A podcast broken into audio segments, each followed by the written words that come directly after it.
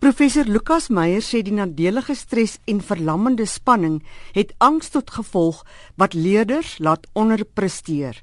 Dit moet ten alle koste vermy word. Tydsbestuur kan leerders baie help.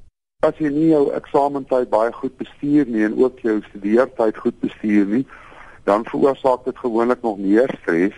En daarom is dit baie goed om te gaan kyk na jou eksamenrooster en dien ooreenkomstig jou tyd te beplan wat jy aan elke vak gaan spandeer en 'n ander wenk is spandeer meer tyd aan vakke of vakinhoude of leerinhoude wat jy nog op hierdie stadium nog nie so goed ken nie of miskien aan gedeeltes wat jy op hierdie stadium nog nie so goed verstaan nie. Dit baat ook niemand om te lank te sit en studeer nie.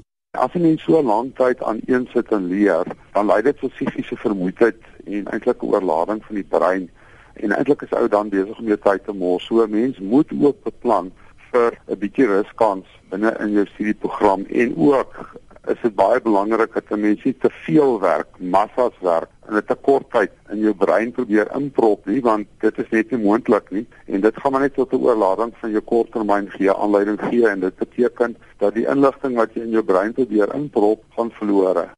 'n Opvoedkundige sielkundige aan die Universiteit van Johannesburg, Dr Lara Ragpot, sê dit is nie die tyd om drastiese veranderinge in die huis aan te bring nie. Mens kan nie ewe skielik net te veel aan 'n atmosfeer in 'n huis net verander nie, want 'n kind moet nog steeds voel dit is sy huis en hy is voel tuis by die huis.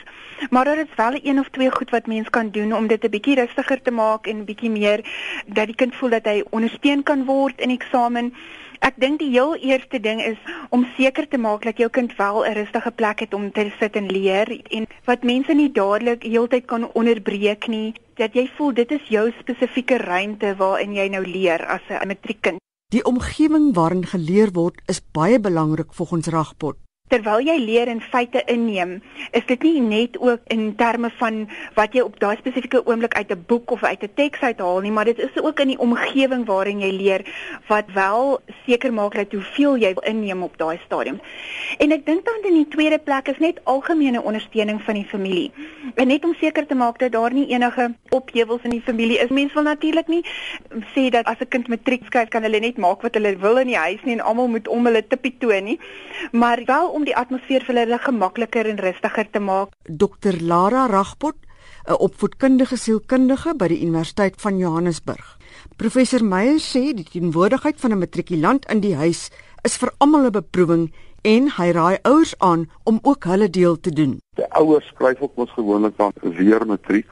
So wat die ouers aan betref, dink ek dis baie belangrik dat hulle 'n uh, rustige gesinsatmosfeer gaan skep. Op hierdie stadium is dit te laat om nou vir Boet of Sannie te verwyd of te beskuldig daarvan dat hulle nou uh, gedurende die jaar nie hard genoeg gewerk het nie. Dit sal nie vir hulle motiveer en aanmoedig nie. So vir my konflik, vir my konflik in die gesin sover as moontlik, motiveer, praat moed in, bederf die kind so 'n bietjie en sorg dat die kind gesond eet en dat die kind genoeg rus kry. Professor Lukas Meyer, 'n opvoedkundige sielkundige van die Potchefstroomse kampus aan die Noordwes Universiteit, Mitsi van der Merwe in Johannesburg.